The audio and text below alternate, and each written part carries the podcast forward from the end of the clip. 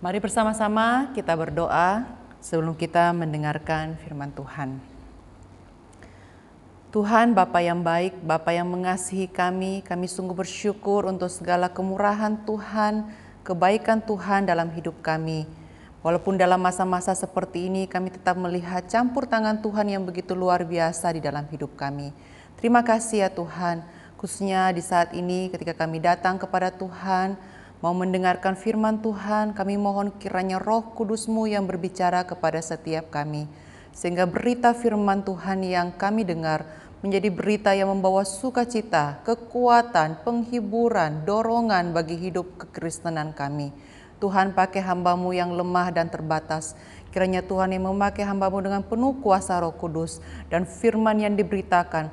Firman itu menegur dan menasehati kami orang-orang percaya yang telah ditebus oleh Kristus. Terima kasih Tuhan, kami serahkan waktu waktu pemberitaan firman-Mu dalam tangan Tuhan. Di dalam nama Yesus kami berdoa. Amin. Shalom saudara yang dikasih Tuhan. Bersyukur sekali untuk hari ini kita bisa bersama-sama uh, berkumpul dalam ibadah online dan kita bisa mendengarkan firman Tuhan.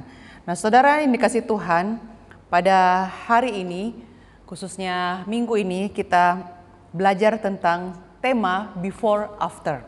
Nah, Saudara, saya ingin kita bersama-sama melihat beberapa foto ini. Nah, Saudara, kalau melihat foto before after itu biasanya kita pasti tercengang ya.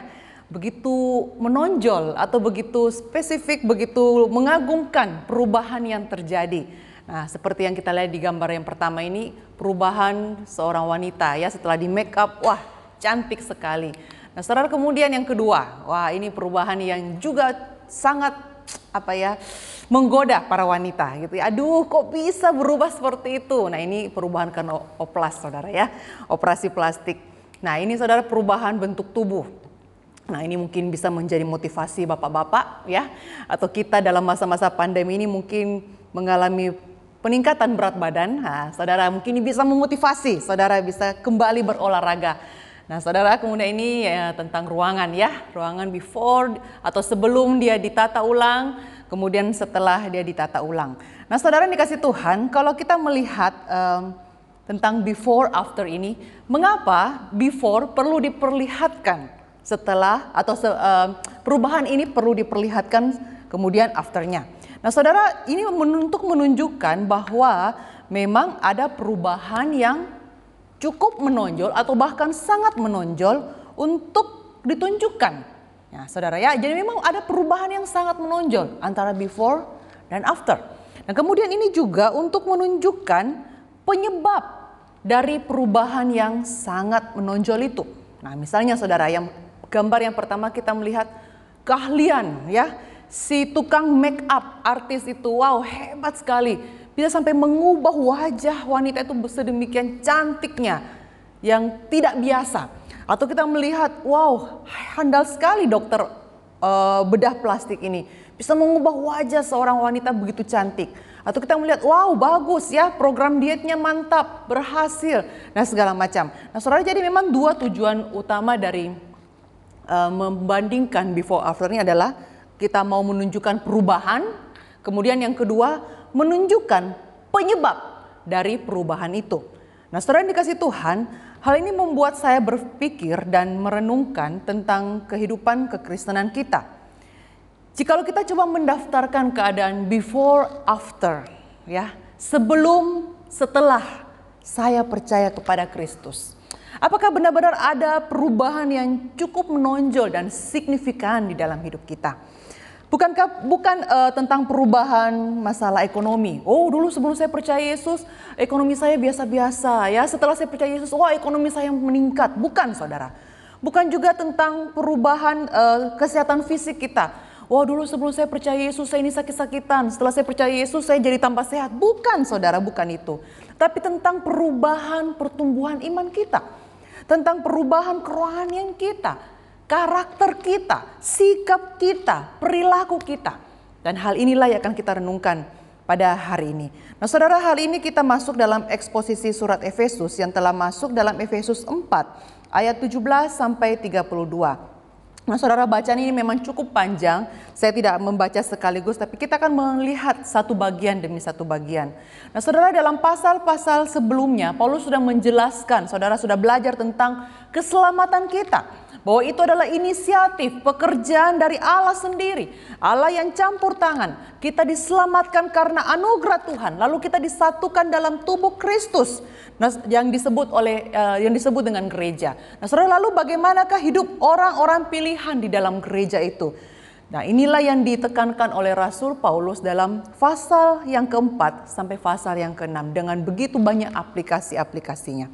Nah saudara dalam perikop ini Paulus mau memperlihatkan kondisi before, after. ya Sebelum percaya Yesus dan setelah percaya Yesus. Before atau sebelum percaya Yesus itu, disebut dengan manusia lama. Dan sesudah percaya kepada Kristus itu disebut dengan manusia baru. Nah, saudara, mari kita lihat keadaan yang pertama, yaitu before. Ayat yang ke-17 sampai 19. Nah, saudara dikatakan di bagian itu dalam Efesus 4 ayat 17 sampai 19, kita bisa melihat daftarnya di sini ya. Dalam ayat yang ke-17 diawali dengan sebab itu kukatakan dan kutegaskan ini kepadamu di dalam Tuhan. Nah, saudara ini adalah teguran dari seorang gembala yang penuh kasih. Paulus katakan jangan hidup lagi sama seperti orang-orang yang tidak mengenal Allah. Bagaimana? Nah, ya saudara di situ dijelaskan daftarnya. Pikirannya yang sia-sia atau dikatakan terjemahan lain itu pikirannya yang sombong ya, pengertiannya yang gelap, jauh atau terasing dari hidup persekutuan dengan Allah, bodoh ada dalam diri mereka. Yang sini berarti bahwa mereka menolak, mengabaikan, tidak peduli karena kedegilan hati mereka, perasaan mereka tumpul atau terjemahan yang sebenarnya tidak punya perasaan. Mereka menyerahkan diri kepada hawa nafsu. Nah secara khusus ini tentang hawa nafsu seksual. Mengerjakan segala macam kecemaran dengan serakah. Wow saudara ini adalah keadaan orang-orang yang tidak mengenal Allah. Nah secara khusus Paulus di sini menyoroti tentang kehidupan masyarakat Efesus. Nah, saudara, masyarakat Efesus pada umumnya yang kita tahu bahwa masyarakat uh, yang sangat maju, saudara ya. Kota Efesus itu dikenal sebagai tempat atau pusat penyembahan Dewi Artemis. Nah, saudara, sebagai kota yang maju, kemudian kota itu juga dikenal sebagai pusat perdagangan, politik, agama, di beberapa uh, kuil yang dibangun di sana juga mereka juga menyembah kaisar. Nah, Saudara jelas sekali Efesus yang tidak mengenal Allah atau masyarakat Efesus yang tidak mengenal Allah menunjukkan sikap hidup hedonisme. Mereka tidak mengenal Allah, hidup dengan penuh keserakahan, nafsu kotor, atau dikatakan bahwa ritual seks itu menjadi hal yang biasa. Nah, saudara, ini adalah tantangan bagi jemaat Efesus pada saat itu. Jemaat Efesus yang sudah percaya kepada Kristus, lalu mereka menghadapi cara hidup yang penuh dengan dosa pada saat itu. Nah, saudara, ini adalah tantangan serius bagi jemaat Efesus. Karena itu, dalam bagian ini Paulus mau menekankan bahwa engkau jangan lagi hidup sama seperti mereka. Mereka itu begitu loh, ya. Begitu hidupnya. Ini gambaran tentang manusia lama. Jadi harus bagaimana? Nah, saudara, bagian selanjutnya Paulus memberitahukan keadaan mereka sekarang setelah percaya kepada Kristus. Nah, kita masuk dengan keadaan afternya ya di dalam ayat yang ke-20 sampai 24. Ini keadaan setelah percaya Tuhan Yesus. Dikatakan bahwa tetapi kamu bukan demikian. Wah, ini titik baliknya Saudara. Jadi ada pergantian subjek antara mereka yang dulu itu dengan kamu atau kalian ya ini jamak kamu. Kamu memang dulu seperti itu. Tetapi setelah engkau percaya dan mengenal Kristus kamu tidak boleh lagi seperti itu. Apa itu keadaan afternya? Dikatakan kamu telah belajar mengenal Kristus mendengar tentang dia menerima pengajaran di dalam dia. Menurut kebenaran dalam Kristus kamu telah meninggalkan atau membuang manusia lama kamu dibaharui dalam roh dan pikiranmu. Kamu harus mengenakan manusia baru yang telah diciptakan menurut kehendak Allah di dalam kebenaran dan kekudusan yang sesungguhnya. Wah saudara ini adalah gambaran kondisi tentang manusia baru afternya. Nah saudara kita mungkin bertanya, Apakah seorang Kristen yang sudah percaya kepada Kristus setelah menerima penebusan di dalam Kristus atau setelah diampuni betul-betul adalah seorang manusia baru? Sedangkan dalam hidup kita sehari-hari kita masih menemukan kita masih jatuh dalam dosa, Saudara. Sehingga kita mungkin bertanya, ini saya sebenarnya apakah masih manusia uh, sudah manusia baru? Atau jangan-jangan saya mempunyai dua status, satu sisi saya adalah manusia lama, di sisi lain saya adalah manusia baru. Nah saudara Alkitab jelas sekali tidak mengajarkan dua konsep demikian. Nah, dalam Roma pasal 6 ayat 6 saudara dicatatkan bahwa ka, karena kita tahu bahwa manusia lama kita turut disalibkan, telah turut disalibkan, supaya tubuh dosa telah hilang kuasanya, agar jangan kita menghambakan diri lagi kepada dosa. Demikian juga dalam 2 Korintus 5 ayat 17. Jadi siapa yang ada dalam Kristus, ia adalah ciptaan baru. Yang lama sudah berlalu, sesungguhnya yang baru sudah datang. Jadi saudara, orang percaya tidak berada dalam dua status. Ya, tidak berada dalam dua status sebagai manusia lama dan sebagai manusia baru. Tidak. Status kita benar-benar adalah manusia baru. Before, sebelum kita percaya Yesus, ya kita adalah manusia lama. After atau setelah kita percaya Yesus, kita adalah manusia baru. Jadi saudara perubahan itu begitu jelas. Dan apa yang menyebabkan perubahan itu? Karya Kristus. Nah saudara dikasih Tuhan, dengan lahir baru, maka orang percaya kita ini telah menerima natur baru. Sehingga kita dimampukan untuk hidup menyenangkan Allah. Apakah berarti bahwa kita tidak berdosa lagi? Ya, saudara tentu tidak.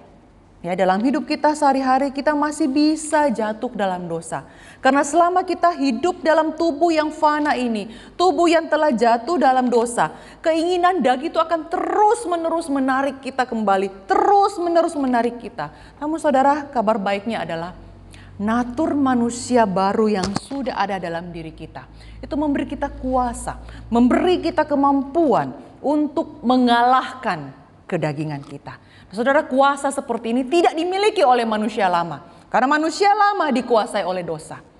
Nah, tetapi dengan status yang baru, sebagai manusia baru, kita diberikan kekuatan oleh Tuhan, kemampuan oleh Kristus untuk mengalahkan kuasa dosa. Nah, saudara, semua ini hanya bisa terjadi karena Kristus telah melakukannya untuk kita melalui pengorbanannya di kayu salib dan dengan kita menundukkan diri di bawah pimpinan Roh Kudus. Nah, saudara yang dikasih Tuhan, untuk mengerti bagian ini, kita dapat melihat paralelnya ya di dalam Kolose 3 ayat 9 sampai 10. Saya akan bacakan untuk saudara. Dikatakan bahwa jangan lagi kamu saling mendustai, karena kamu telah menanggalkan manusia lama serta kelakuannya dan telah mengenakan manusia baru yang terus-menerus diperbaharui untuk memperoleh pengetahuan yang benar menurut khaliknya. Nah, Saudara, dikatakan di sini ya, kamu telah menanggalkan manusia lama serta kelakuannya, telah mengenakan manusia yang baru terus-menerus. Nah, Saudara, dalam bahasa aslinya kata yang yang dipakai di sini sama dengan Efesus 4 tadi Nah, saudara-saudara sebenarnya kalau saya bisa perkenalkan tensis dalam bahasa Yunani, itu menunjukkan bahwa peristiwa itu sudah terjadi dan dampaknya atau efeknya itu berlangsung sampai sekarang. Artinya begini saudara, ketika kita percaya Yesus, kita percaya kepada Kristus yang telah menebus kita, maka kita telah menanggalkan manusia lama dan telah mengenakan manusia baru. Dan itu manusia baru itu terus menerus kita bawa. Status itu terus menerus kita bawa. Ya, tidak sebentar ditinggal lagi atau dipakai lagi, tidak saudara. Telah kita tanggalkan manusia lama itu dan sekarang kita sudah memakai manusia baru. Nah saudara tetapi tidak berhenti di sana. Dalam frase selanjutnya dikatakan terus menerus diperbaharui. Nah saudara dalam, dengan kata terus menerus diperbaharui ini, ini mengungkapkan bahwa kita ini proses pembaharuan ini atau proses pengurusan orang percaya ini adalah karya Roh Kudus yang memampukan kita untuk terus-menerus diperbaharui. Ya, artinya Saudara, kalau saya bisa simpulkan di sini, Perubahan manusia lama menjadi manusia baru itu satu kali saja. Pada saat kita percaya Yesus. Dan kita terus bawa status manusia baru itu. Tetapi perubahan hidup kita, nah saudara itu berlangsung terus menerus. Kita diubah, diubah dalam roh dan pikiran kita. Itu kata Alkitab. Nah saudara ini kasih Tuhan, perubahan ini tidak dapat dikerjakan oleh usaha kita sendiri.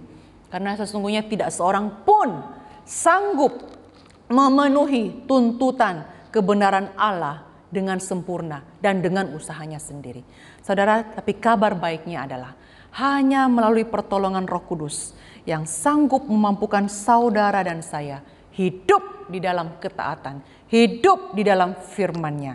Nah, saudara tidak lupa ya, perubahan itu bukanlah sesuatu yang terjadi secara instan. Perubahan hidup itu tidak mudah dan itu butuh proses waktu, butuh bayar harga, harus keluar dari kenyamanan kita, butuh kesabaran kita, dan bisa jadi itu memakan waktu yang cukup lama. Nah, saudara dikasih Tuhan, perubahan itu adalah satu keharusan. Perubahan itu adalah kebutuhan dan perubahan itu adalah keputusan.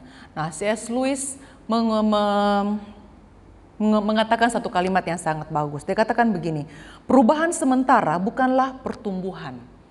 Pertumbuhan adalah perpaduan antara perubahan dan kontinuitas atau terus-menerus ya.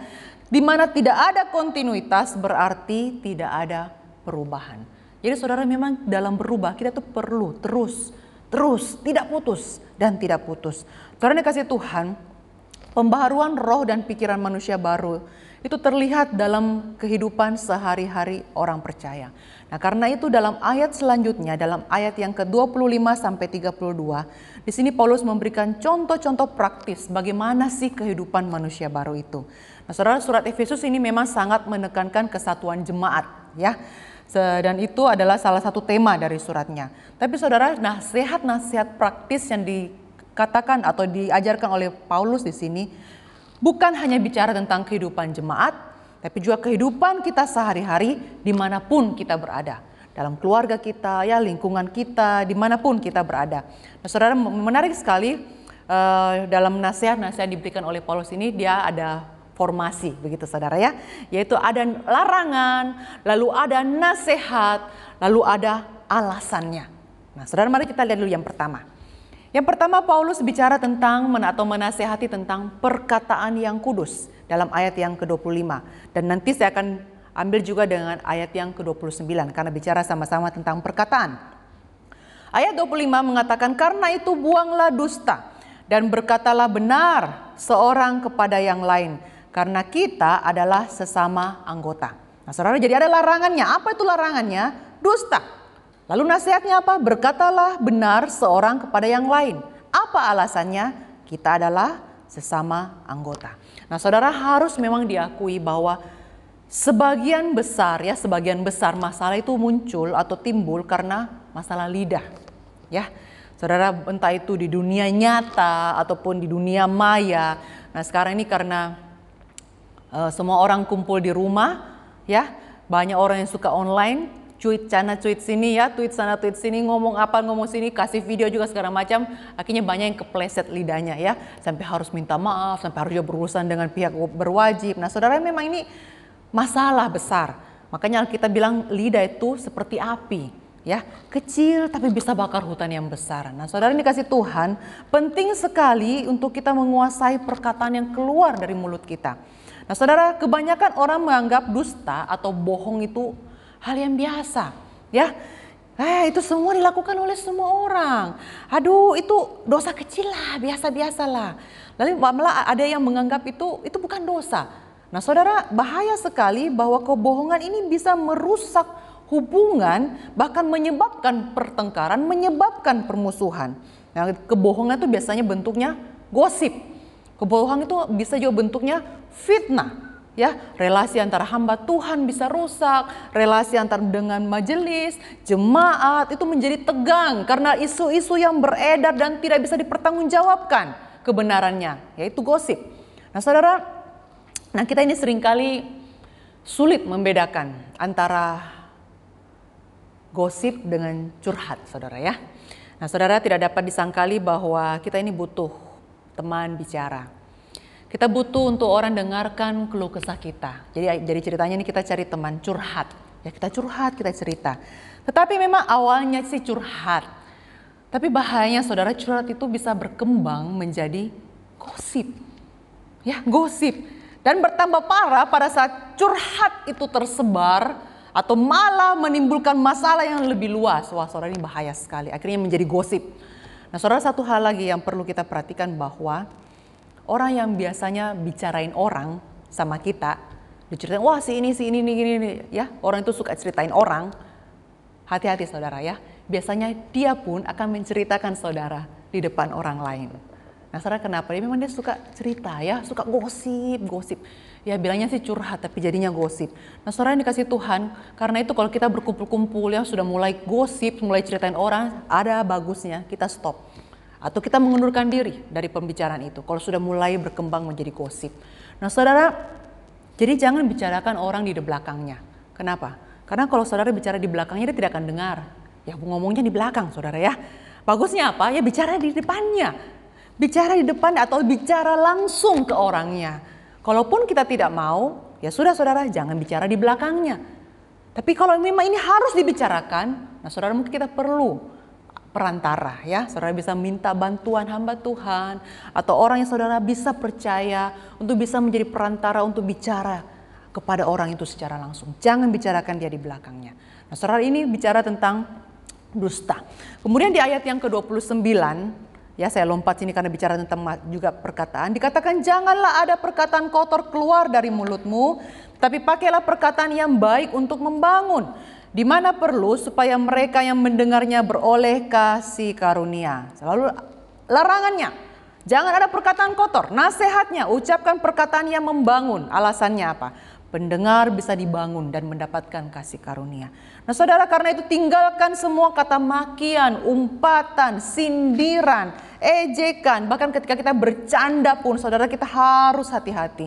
Jangan sampai mengeluarkan kata-kata yang memalukan, akhirnya menyudutkan atau menghina orang. Saudara lebih bagus dikatakan gunakan kata-kata ini untuk membangun, saling mengoreksi, bukan menghancurkan orang. Nah saudara teguran itu bisa keras tetapi tidak boleh pedas.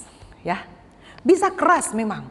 Kita kasih tahu dengan keras, tapi tidak boleh pedas. Dalam arti tidak boleh melukai perasaan orang. Nah, saudara ini dalam arti begini. Penggunaan kata yang tepat atau cara menyampaikan itu sangat berpengaruh pada saat kita mau menyampaikan teguran. Kadang-kadang maksud kita mau membangun ya, tapi cara kita menyampaikan bisa menghancurkan orang atau melukai orang. Nah saudara karena itu kita perlu sekali memilih kata-kata yang tepat pada saat kita mau menyampaikan kelemahan lawan bicara kita. Nah, saudara ada satu saran yang sangat bagus dikatakan bahwa pakailah kata-kata yang positif ya untuk mengganti sifat negatifnya. Jadi apa yang kita harapkan pada saat kita menegur orang itu? Nah misalnya saudara ya, saudara punya rekan itu tukang terlambat aduh sering sekali terlambat. Nah kata positifnya apa saudara? Kita bilang, saya mau engkau datang tepat waktu. Nah ya, bukan jangan terlambat, tapi datang tepat waktu. Nah saudara, atau kalau misalnya orang lagi ribut begitu ya, kita terganggu. Lalu gimana saudara menegur? Tolong suaranya dikecilkan. Nah gitu saudara ya, jadi ini menggunakan kata positif. Nah saudara yang dikasih Tuhan, Penting sekali ketika kita bicara itu mengurangi tekanan emosi ya atau tekanan suara. Kadang-kadang memang saudara kalau ketika kita sudah terbawa emosi itu rasanya kita mau lampiaskan emosi kita keluar. Nah saudara namun sedapatnya saudara tahanlah. Kalau bisa tuh emosi itu reda dulu baru kita bicara. Nah saudara kata yang sama tapi dengan emosi yang berbeda itu memberikan kesan yang berbeda pula. Contoh ya saudara ya waktu kita bilang tutup pintu ini emosinya datar. Atau kalau mau tegas, tutup pintu. Dengan kita emosi yang sangat besar, tutup pintu. Begitu ya. Saudara beda sekali kesannya. Kata yang sama, tapi dengan emosi yang berbeda. Nah saudara dikasih Tuhan karena itu penting sekali kita jaga bicara kita. Karena terkadang waktu kita sudah bicara, kita menyesal, wah saudara kita sudah tidak bisa tarik lagi kata-kata itu. Karena itu penting sekali dalam bagian pertama ini, Paulus mau menasihatkan perkataan yang kudus. Jaga kata-kata kita, jangan berdosa atau katakanlah yang benar dan pakailah kata-kata ini untuk membangun. Ya, di gereja kita tempat untuk saling membangun. Di dalam keluarga kita demikian juga. Saudara kemudian yang kedua, dalam ayat yang ke-26 dan 27. Paulus bicara tentang marah yang kudus. Apabila kamu marah, janganlah kamu berbuat dosa dan jangan beri kesempatan kepada iblis. Larangannya apa? Amarah yang berkepanjangan dan mendatangkan dosa. Lalu nasihatnya apa? Segera redakan amarah itu, segera selesaikan konflik. Alasannya apa? Supaya tidak memberi kesempatan kepada iblis. Nah, saudara marah itu adalah reaksi emosional ya dan tidak harus identik dengan dosa. Dan Tuhan tidak melarang kita marah ya, karena di sini katakan apabila kamu marah ya, tidak di, tidak dilarang. Tapi yang penting adalah terhadap apa sih kita harus marah? Jelas sekali kita harus marah terhadap kejahatan, kelaliman, pelanggaran. Tetapi saudara, cara kita melampiaskan kemarahan itu bisa membuahkan dosa. Nah, saudara batasnya di mana? Kemarahan itu akan menjadi dosa saat kita ekspresikan dan akhirnya kita menghina orang, melukai orang, menjatuhkan orang dan itulah akhirnya membuahkan dosa. Jadi saudara batasnya di situ. Cara melampiaskan sampai bahkan menyakiti. Bahkan kita mungkin bisa melakukannya itu kepada anggota keluarga kita. Entah itu pasangan, entah itu anak, ya. Karena marah yang tidak bisa dikontrol. Nah saudara lalu sikap seharusnya itu bagaimana pada saat kita marah? Yang pertama jelas sekali adalah kita harus mengendalikan diri. Pengendalian diri ini adalah salah satu buah roh ya. Pengendalian diri entah itu emosi, ucapan, tindakan kita. Dalam Mazmur 4 ayat 5 mengatakan biarlah kamu marah tetapi jangan berbuat dosa. Ya tidak apa-apa kamu marah tapi jangan berbuat dosa. Berkata-katalah dalam hatimu di tempat tidurmu tetapi tetaplah diam. Wah, ini nasihat firman Tuhan. Kontrol, kendalikan diri. Kemudian saudara, sikap yang seharusnya adalah ya jangan simpan kemarahan itu terlalu lama. Karena itu akan memberi kesempatan kepada iblis ya. Bisa membuka peluang untuk kita melakukan dosa yang lain. Nah, karena itu supaya jangan terlalu lama bisa diselesaikan bicarakan dengan baik ya. Cepat selesaikan sebelum matahari terbenam. Nah, ya itu nasihat firman Tuhan. Tapi gimana kalau amarahnya terjadi pada malam hari? Ya selesaikan sebelum matahari terbit. Ya itu patokannya matahari saja saudara ya. Pokoknya sebelum matahari terbenam dan sebelum matahari terbit. Selesaikan amarah saudara. Nah, saudara ini nasihat yang kedua. Kemudian yang ketiga saudara. Paulus bicara tentang etos kerja yang benar dalam ayat yang ke-28. Orang yang mencuri janganlah ia mencuri lagi tetapi baiklah ia bekerja keras dan melakukan pekerjaan yang baik dengan tangannya sendiri, supaya ia dapat membagikan sesuatu kepada orang yang berkekurangan. Larangannya apa? Mencuri. Lalu nasihatnya apa? Kerja keras. Alasannya, supaya bisa berbagi kepada orang yang membutuhkan. Nah saudara Efesus itu adalah kota metropolis dan pasti ada gap sosial ya antara si kaya dan si miskin. Pasti itu terjadi. Nah saudara, Gap sosial ekonomi ini pun terjadi dalam jemaat Efesus. Sehingga dalam situasi seperti ini kemungkinan besar ada pencurian. Ya. Dan dampaknya nampaknya alasan utama pencurian itu terjadi karena malas. Orang-orang yang tidak mau bekerja. Karena itu Paulus nasihati, baiklah ia bekerja keras, melakukan pekerjaan yang baik dengan tangannya sendiri. Saudara ini bicara tentang etos kerja Kristen. Karena itu kita sebagai manusia baru, kita harus tunjukkan etos kerja yang benar. Bekerja keras, yaitu ada mengandung upaya usaha. Ya, kita berusaha sungguh-sungguh maksimal, tidak asal-asalan dalam kita bekerja. Nah, saudara jangan pisahkan antara bagaimana kita mau melayani Tuhan, oh kita harus sebaik-baiknya.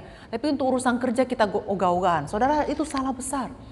Sebag, sebagaimana hidup kita sudah ditebus secara utuh maka hidup kita pun seharusnya ditunjukkan secara utuh. Sama di gereja, di mana pun kita berada di dalam keluarga, bahkan dalam pekerjaan kita. Kita menunjukkan kesungguhan hati kita. Sungguh-sungguh bekerja, ya maka dikatakan seperti untuk Tuhan dan bukan untuk manusia. So, sebagai seorang atasan ataupun sebagai seorang karyawan punya disiplin waktu tepat datang ya tidak telat tugas-tugas selesai dengan baik relasi baik rajin bertanggung jawab Nah, kalau sebagai atasan ya kita bayar gaji karyawan tepat waktu, tidak terlambat. Nah, saudara, ini penting sekali etos kerja seorang Kristen. Nah, saudara, di situasi di masa pandemi saat ini, memang kita sebagian besar mungkin ya harus putar otak untuk buka peluang usaha lain. Tidak apa-apa, saudara. Ya, berdoa dan berjuang terus. Dan kita percaya Tuhan tetap akan memelihara kita dengan cara Tuhan yang begitu ajaib. Dan tujuan dari bekerja ini bukan untuk memperkaya diri semata-mata, melainkan untuk membagikan sesuatu kepada orang yang berkekurangan. Nah saudara karena itu Paulus ingatkan untuk memberi dan menopang orang yang kekurangan. Nah saudara dalam bisnis memang kita mencari untung, memang saudara ya. Tapi itu bukan hanya digunakan untuk diri kita sendiri, tetapi juga untuk orang-orang yang kekurangan. Nah, saudara ini yang ketiga. Nah, kemudian yang keempat, yang terakhir dari nasihat Paulus itu berada dalam bagian yang terakhir ya, dalam ayat 31 sampai 32. Segala kepahitan, kegeraman, kemarahan, pertikaian, dan fitnah hendaklah dibuang dari antara kamu. Demikian pula segala kejahatan. Tapi hendaklah kamu ramah seorang terhadap yang lain, penuh kasih mesra dan saling mengampuni, sebagaimana Allah di dalam Kristus telah mengampuni kamu. Jadi ada larangannya. Jangan ada kepahitan, kegeraman, kemarahan, pertikaian, dan fitnah. Nasihatnya apa? Saling ramah, penuh kasih, mengampuni. Alasannya apa? Allah telah mengampuni kita di dalam Kristus. Nah, saudara, pengampunan ini adalah obat yang paling manjur untuk mengatasi rasa sakit hati, kecewa, dendam, permusuhan, pengampunan. Nah, saudara menyedihkan sekali begitu banyak relasi yang hancur, relasi yang rusak karena orang-orang yang begitu gengsi untuk minta maaf. Orang-orang yang merasa rugi kalau memaafkan atau mengampuni, sehingga tidak mau mengampuni, sehingga virus kebencian itu dipelihara, bertumbuh subur di dalam dirinya, dan lebih parah lagi, virus ini bisa ditularkan kepada orang lain, ya, mengalahkan virus corona, saudara ya. Nah, saudara, bahaya sekali. Karena itu, dalam hidup kita sehari-hari, penting sekali selalu ada pengampunan. Petrus pernah tanya Tuhan, "Berapa kali saya harus mengampuni saudaraku?" Tujuh kali sudah cukup? Tidak 70 kali 7 kali. Artinya apa? Kapan pun saudara membuat salah dan dia datang minta maaf, ampuni dia. Nah saudara yang dikasih Tuhan, dalam kehidupan kita sehari-hari, kita memang kadang-kadang saling melukai ya. Baik itu melalui perkataan, perbuatan kita, tetapi jangan lupa pengampunan harus selalu hadir. Pengampunan itu akan membawa perdamaian. Relasi kita diperdamaikan, kepahitan, kekecewaan, permusuhan pun diobati. Nah saudara inilah yang akan membawa persekutuan, persatuan di dalam tubuh Kristus. Dan alasan utama kita harus mengampuni adalah Allah di dalam Kristus telah lebih dahulu mengampuni saudara dan saya. Tidak ada bantahan.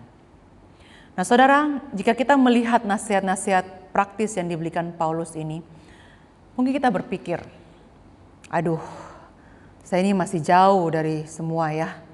Ya kadang sih saya berhasil iya, tapi kok rasanya lebih banyak yang gagal begitu. Aduh, apalagi nih sekarang lagi di rumah saja, ya. Ketemu anak-anak yang susah diatur mungkin, susahnya disuruh belajar, malas sekali belajar. Maunya main gadget terus. Nah, terus belum lagi ditambah kondisi keuangan menurun. Aduh, sudah tidak tahu berapa banyak itu kata-kata pedas keluar dari mulut saya. Dan sudah berapa kali emosi saya naik turun gitu ya. Tidak tahu sudah berapa kali matahari terbenam, terbit, terbenam. Amarah saya belum hilang. Kenapa? Karena sambung menyambung terus. Ya gimana di rumah tuh aduh rasanya susah sekali. Saya kontrol kemarahan saya. Nah segala macam pergumulan kita. Iya sih, di rumah kita bebas corona saudara ya. Tapi kita bisa kena hipertensi kita bisa kena serangan jantung. Waduh, tidak tahan saudara ya. Nah saudara yang kasih Tuhan, mungkin kita merasa, aduh saya ini putus asa. Saya ini merasa gagal menjalani hidup sebagai manusia baru. Apakah Tuhan masih mau menerima saya? Nah saudara yang dikasih Tuhan, saudara tidak sendiri. Ya, kita semua mengalami pergumulan yang sama. Saya pun demikian. Karena kita masih mendiami tubuh yang fana ini. Tapi saudara kabar baiknya adalah sebelum before menjadi after. Ya, sebelum perubahan itu terjadi. Ada sesuatu yang menyebabkan perubahan itu. Seperti pendahuluan tadi. Apa itu? Salib Kristus. Kristus telah melakukannya di kayu salib sehingga kita percaya bahwa kita telah diubahkan dari manusia lama menjadi manusia baru. Dan tidak berhenti di situ, Saudara. Kristus telah mengutus Roh Kudus yang kita terima dan kita percaya pada saat kita menerimanya. Nah, Saudara, di mana hari ini secara khusus ya kita merayakan hari Pentakosta ya hari dicurahkannya Roh Kudus. Roh Kudus itu diberikan kepada saudara dan saya pada saat kita percaya Yesus dan Roh Kudus itu sudah mendiami hati kita. Roh Kudus itu akan menyertai kita, memampukan kita, menghibur, memberi kekuatan, mengajar kita, bahkan menginsafkan kita akan dosa dan memimpin kita di dalam kebenaran. Jadi saudara, kalau kita jatuh dan gagal, bangkit lagi. Kita jatuh lagi, bangkit lagi. Nah saudara jangan pernah berhenti untuk terus berjuang. Nah saya percaya Tuhan akan memberikan kita kemampuan. Roh Kudus akan memampukan kita. Nah saudara karena itu memang kita harus memiliki rasa jijik terhadap dosa. Manusia baru akan membenci dosa. Sama seperti kalau kita saat ini sudah dari luar masuk ke rumah, kita membersihkan diri kita ya. Kita berupaya supaya jangan ada virus ini menempel pada kita. Dan kita berusaha membersihkan diri, cepat mandi kah, cepat cuci baju kah, pokoknya jangan dulu pegang yang lain. Nah harusnya saudara orang Kristen juga memiliki rasa seperti itu terhadap dosa. Jangan sampai dosa atau kita membiarkan dosa itu menguasai kita lagi. Tuhan Yesus sudah mengalahkannya di kayu salib. Dan kita harus selalu berjuang. Ya, mengalahkan itu, melawan keinginan daging itu dengan pertolongan siapa saudara? pertolongan Roh Kudus yang terus-menerus memampukan kita, terus-menerus memperbaharui roh dan pikiran kita untuk hidup menyenangkan hati Tuhan. Tuhan menolong kita, Roh Kudus memimpin kita senantiasa. Amin. Mari kita berdoa. Tuhan kami bersyukur untuk segala kebaikan Tuhan. Terima kasih ya Tuhan karena Tuhan begitu mengasihi kami. Terima kasih karena Tuhan telah menyelamatkan kami dari lumpur dosa dan kami telah diberikan manusia baru. Tuhan dalam perjalanan iman kami, kami tahu ya Tuhan, sering kali kami jatuh dan bangun. Tuhan kami mohon akan kuasa roh kudusmu yang terus memberi kami kekuatan, menyadarkan kami, mengingatkan kami, menginsafkan kami akan dosa, dan roh kudusmu yang terus-menerus memimpin kami di dalam kebenaran. Tuhan, kami lemah, kami terbatas. Oleh karena itu Tuhan tak henti-hentinya kami terus memohon pertolongan Allah untuk terus memimpin kami dalam kami menjalani hidup sesuai dengan panggilan kami sebagai anak Tuhan, sebagai orang Kristen yang telah mengenakan manusia baru. Tuhan tolong kami. Ketika keinginan daging menguasai kami, biarlah dengan kami memandang kepada salib Kristus, memberi kami kekuatan, mengingatkan kami untuk menanggalkan dan men, mengalahkan segala keinginan daging dalam diri kami. Tuhan, kami mohon mampukan kami. Terpujilah nama Tuhan. Kami percaya Tuhan akan terus memimpin kami dengan kekuatan dan pertolongan dari roh kudusmu. Dan kami anak-anakmu akan kembali dalam kehidupan kami selanjutnya Biarlah Tuhan firman-Mu yang telah kami dengar pada hari ini memberi kami kekuatan terus kami ingat untuk menjalani hidup kami sebagai manusia baru. Terpujilah nama Tuhan. Kami sungguh bersyukur, kami berdoa di dalam nama Tuhan kami, Tuhan Yesus Kristus. Amin.